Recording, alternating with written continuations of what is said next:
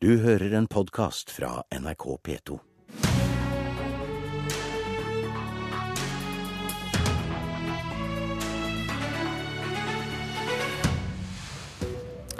Budsjettforhandlingene straks i mål.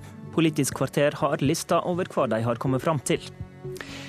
Det mest akutte i norsk helsesektor er ikke at fem lokalsykehus kan miste akuttkirurgien sin, sier Venstres representant i denne debatten. Disse fem akuttkirurgiske sykehusene skal jeg kjempe for, sier KrFs deltaker. Høyre møter de to samarbeidspartnerne som ser litt ulikt på sykehusplanen.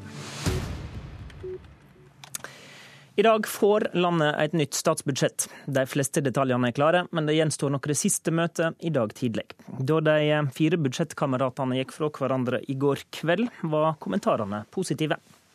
Vi setter strek for det at vi tror vi er bedre rustet til å ta de siste vanskelige tingene i morgen, når vi har litt mer tømte hjerner. Nei, Vi begynner jo å se konturene av en avtale i, i løpet av morgendagen. Vi møtes klokka åtte, og det er jo fordi vi da mener at vi er kommet et uh, godt stykke videre innen det. Det vil alltid være forbehold, uh, i hvert fall i Fremskrittspartiet, at uh, det som da blir den endelige avtalen, er en avtale med forbehold om at den godkjennes i gruppen. Dette var representanter for de fire samarbeidspartiene i går kveld. Politisk kommentator Lars Nehru Sand, du har fulgt budsjettprosessen hele veien. og Selv om FrPs forhandler Hans Andreas Limi sier at det alltid er et forbehold om hva stortingsgruppene sier, særlig i Frp, så er det vel ingen tvil om at dette kommer i mål nå? Nei, Nå er det kun de formalitetene Limet sikter til som gjenstår. Partigruppene har jo også for så vidt vært orientert hele veien og kommer nok til å være beskjeden fornøyd med det de får, får, se nå i formiddag. Og så skal dette inn i Stortingets datasystemer før klokken tolv, og så blir det presentert for pressen i løpet av dagen. Og når Frp går til gruppa si, da, hva er det Limi har å selge inn som FrPs seire etter dette?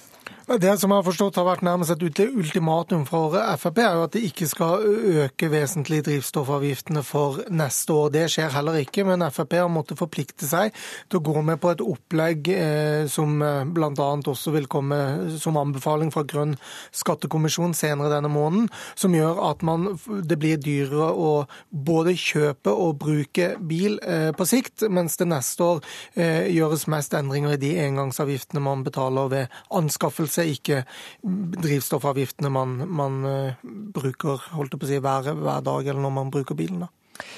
Det var tvil om dette skulle komme i mål i helga, for bl.a. så var det et bistandskutt i salderinga av inneværende års budsjett, som var kjent på fredag, som provoserte KrF kraftig. Hvor mye krisehåndtering har det egentlig vært i helga? Betydelig, og det har vært uh, mye mer uh, hva skal vi si, involvering fra statsministerens side i år enn det var i fjor. Og både fredag og lørdag så var det reell tvil om man ville komme til enighet eller måtte uh, true med kabinettspørsmål fra, fra, regjeringens side for å få gjennom et, et budsjettforlik. Nettopp fordi ikke nødvendigvis avstanden bare i penger, men også i, i politisk følelse og gjennomslag var, var ganske stor i, i de fire partiene. Men nå er dette bistandskuttet, som det lå an til, blitt vesentlig redusert, etter det jeg forstår. Fortell. Ja, Regjeringen la jo opp til 4,3 milliarder kroner i omprioriteringer på bistandsbudsjettet fra utenlands til inn, altså utenlandsbistand til innenlands flyktningtiltak. Og det blir da 2,5 milliarder kroner mindre omprioritert enn det. Det betyr at KrF må godta at man, for å bruke deres begrep, kutter bistand med 1,8 milliarder kroner, som er en betydelig innrømmelse for KrF. KrF. Men det gjør da at man kan i hvert fall si at dette budsjettet hadde sett helt annerledes ut hvis ikke KrF hadde vært med å forhandle om det i Stortinget. Totalt så er seks milliarder flytta på i disse forhandlingene. Hva slags styrkeforhold mellom regjeringspartiene og sentrum er dette uttrykk for? Det viser først og fremst at det, det paradigmet man har hvor man nå skal forhandle to ganger, først Høyre og Frp seg imellom, Frp er veldig opptatt av sine gjennomslag og beholde de, så skal man forhandle i Stortinget hvor sentrumspartiene vil ha sin tydelige profil, så gjør det at dette regjeringsprosjektet er ganske dyrt i drift. Og selv med tidenes blåeste regjering, så får vi fortsatt tidenes største offentlige sektor. De offentlige utgiftene øker enda mer gjennom helgen da, med, med, den enigheten man har nå. Og det er jo nettopp fordi at, at det er en, en krevende prosess å holde disse fire partiene samlet. Og så er det også sånn at Hvis vi ser hvor de henter penger fra, så er det ikke noen tydelig politisk vilje rundt det nødvendigvis. Det er ganske eh, ja, litt sånn triks i boka budsjettinndekninger med økt utbytte fra statlige selskaper f.eks. Økt effektivisering i offentlig sektor, som isolert sett er bra, men det er ikke, eh, det er ikke resultatet av et politisk eh, prosjekt, men mer et ønske om å finne penger for å dekke inn nettopp en økt, eh, økt utgiftsbruk i budsjettet for at alle fire skal føle at de har seire og, og, og profilsaker inne i budsjettet til slutt. Dette har også vært en grønn dragkamp, der særlig Venstre har kjempa for det grønne. Har Venstre fått sine seire på det området? Ja, Nå må Venstre måtte svare på om det blir eh, kraftige reduksjoner i klimagassutslippene målt i tonn, men de har i hvert fall fått gjennomslag for viktige prinsipper i avgiftspolitikken på sikt eh, ved å eh, nær sagt binde Frp til den masten. Detaljene fra aktørene får vi i løpet av dagen. Takk til deg, politisk kommentator Lars Nehru Sand.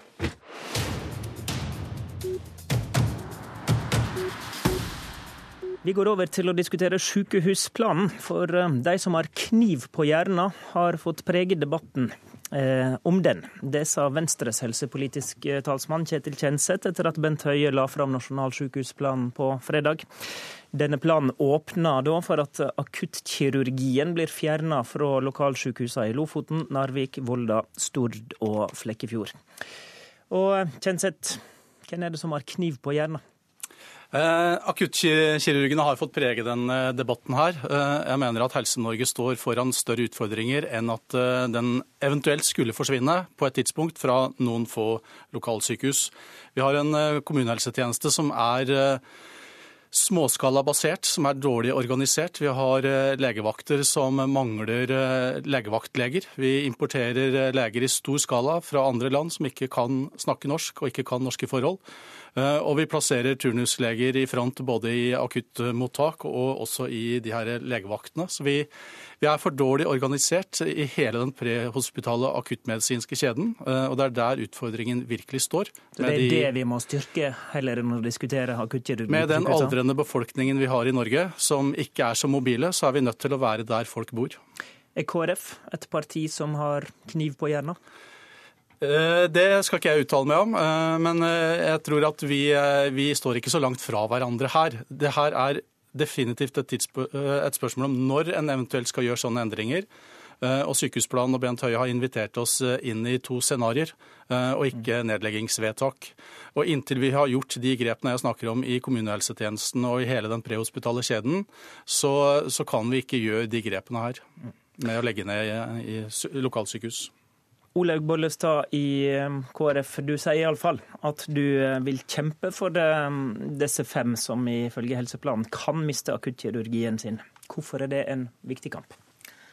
Eh, fordi For KrF, og der er jeg helt enig med Venstre, det er en grunnmur i Helse-Norge som heter prehospitale tjenester, som betyr legevakt, som betyr gode leger i akuttmottak, som betyr god kommunehelsetjeneste, som betyr akuttkirurgi. Det ligger i bånn for å kunne lykkes. Så er det de tjenestene som er oppe og inne i huset, de endrer seg over tid. Fordi det er sånn at uh, større ting må vi gjøre på større sykehus. Men her snakker vi om akuttkirurgi der vi vet at det har innvirkning på hva type fødeavdeling vil vi få i et sykehus, på hva type indremedisinsk behandling vil vi få i sykehus. Det har akuttkirurgien noe å si for. Og Derfor så tenker KrF at vi kan ikke begynne å diskutere nedleggelse av fem sykehus som premissleverandør på akuttkirurgien før vi har diskutert helheten i dette. Sånn at du tenker at disse akuttkirurgiske avdelingene er en del av den grunnmuren som du må det bevare? Det er en del av grunnmuren for å lykkes med det som skal være oppe i huset. Det er viktig for, for, for KrF å si. Du får en helt annen fødeavdeling hvis du ikke kan ta et akutt keisersnitt når det blir en komplikasjon. Da har du et annet sykehus. Da har du en annen fødeavdeling enn det du ville hatt om det hadde vært en kirurgisk vakt som kunne hjelpe den dagen det blir noe som blir komplikasjoner med. Kristin Ørmen Johnsen, du sitter i helsekomiteen for Høyre. Her er disse samarbeidspartnerne du må forholde deg til. De har litt ulik vinkling på det. Hvordan hører du signaler fra KrF og Venstre? Nei, Det jeg hører, det er at uh, i store trekk er egentlig tilslutning til at vi har nødt til å ha en nasjonal helse- og sykehusplan. Vi har en sykehusstruktur i dag fra 1950-tallet. Det har skjedd mye innen medisinsk utvikling, og ikke minst også befolkningsstruktur. Og Det jeg hører, det er at uh, vi først og fremst må ruste opp akuttmottakene med større og bredere kompetanse, og det legger jo denne meldingen uh, også opp til. Hvert sykehus må jo nå også utvikle kompetanseplaner. Det har vi ikke. Vi må utnytte IKT bedre i sykehusene. Og så må vi kunne desentralisere kompetanse, men også ha gode men så spissmiljø. så sier Bollestad her at hun vil kjempe for å bevare disse, eh, disse akuttkirurgiavdelingene ved de fem sykehusene, som hun mener er en viktig del av grunnmuren. Hva svarer du da? Er det en kamp hun kan vinne med den planen dere har lagt fram? Nå er det jo sånn at uh, Først uh, skal man jo se på hvordan de uh, prehospitale tjenestene skal organiseres. Dvs. Si, hvordan skal ambulanse, fly, Eh, båt eh, organiseres rundt det enkelte sykehus. Så du er enig med Kjenseth at det må en strukturere før en eventuelt det legger ned? Det er vi absolutt nødt til å gjøre. Og vi har nødt til å se på også befolkningsstrukturen. Og vi er også nødt til å se på hvor i Norge dette er. Det er veldig forskjell her på Østlandet, hvor det er vel en 40 minutter mellom sykehus, enn det er f.eks. i, i Nord-Norge andre steder av landet. Men det er en del ting som må være på plass før man begynner å se på hvordan man skal rigge sykehusene til. Bollestad, hva hører du nå? Jeg hører at vi er enige om at det er viktig og vi ønsker velkommen en helse- og sykehusplan. Men for KrF, når vi snakker om det, så snakker vi om en helhet i helse- og sykehusplan. I helse- og sykehusplan så blir psykisk helse, som Venstre er opptatt av, en sentral del. Men det blir òg en politisk styring av hva funksjoner skal det inneha å være et sykehus? Hva slags kompetanse vil vi trenge over tid? Hvor må vi ha investeringer for å oppgradere og vedlikeholde. Hvor kommer nybyggene henne? Hvordan må vi rigge vår utdanning både på prehospitale tjenester, på ulike og andre måter å operere på? Hva oppgaver får kommunene? Dette må ligge i en helse- og sykehusplan. Men da begynner vi i feil ende når vi sier at vi skal ta vekk en oppgave i noen av de sykehusene som har god kvalitet i dag. Hadde det vært dårlig kvalitet, så hadde det vært dårlig for pasientene. Og jeg sier ikke dette for å redde sykehuset, men for å redde pasientene. Jonsen. Det planen legger opp til, det er jo å se fremover hvordan skal Sykehus-Norge se ut mot 2030. Og det er det vi må ruste oss til, og det er det vi må planlegge. Når det gjelder eh, akuttkirurgi, så har det vært nedsatt eh, to utvalg. Bestående også det siste av eksperter også fra Legeforeningen, som har sett på hvor over tid er det mest hensiktsmessig å ha akutt kirurgi. Og De har jo anbefalt større opptaksområder enn det det er i dag. Men for at vi skal gjøre endringer, så må vi også ha, legge forutsetningen til rette. Det er nettopp dette med å se på hvor skal da pasientene være hvis de ikke får tilbudet på lokalsykehuset. Vil du at, at Stortinget skal definere hvem hva for noen sykehus som må legge ned akuttkirurgi og ikke? Ja, det syns jeg er å begynne i helt uh, feil retning. Vi har over 50 sykehus i Norge i dag. At stortingspolitikere skal ta mål av seg og bestemme hva innholdet skal være i det enkelte sykehus, da er vi på ville veier. Men vi er nødt til å legge premissene for hvordan utviklingen skal være.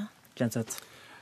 Ja, Vi diskuterer jo eh, i liten grad eh, strukturen i Finnmark og, og Troms her. og Det syns jeg vi skal ta inn over oss. Eh, der har de jobba mye med den distriktsmedisinske kompetansen, og strukturert og organisert. og Det må også resten av Norge lære av. Det er det ene. Det andre er, som Bollestad sier, altså vi er nødt til å investere også i den kommunale helsetjenesten. De investeringsmidlene der de finnes ikke i dag. og Derfor så er vi nå i en situasjon hvor, hvor styrene i helseforetakene investerer store midler, og så, og så blir førstelinja glemt. Debatten er i gang. Takk til Kjenseth, Bollestad og Johnsen. I studio, Håvard Grønli. Du har hørt en podkast fra NRK P2.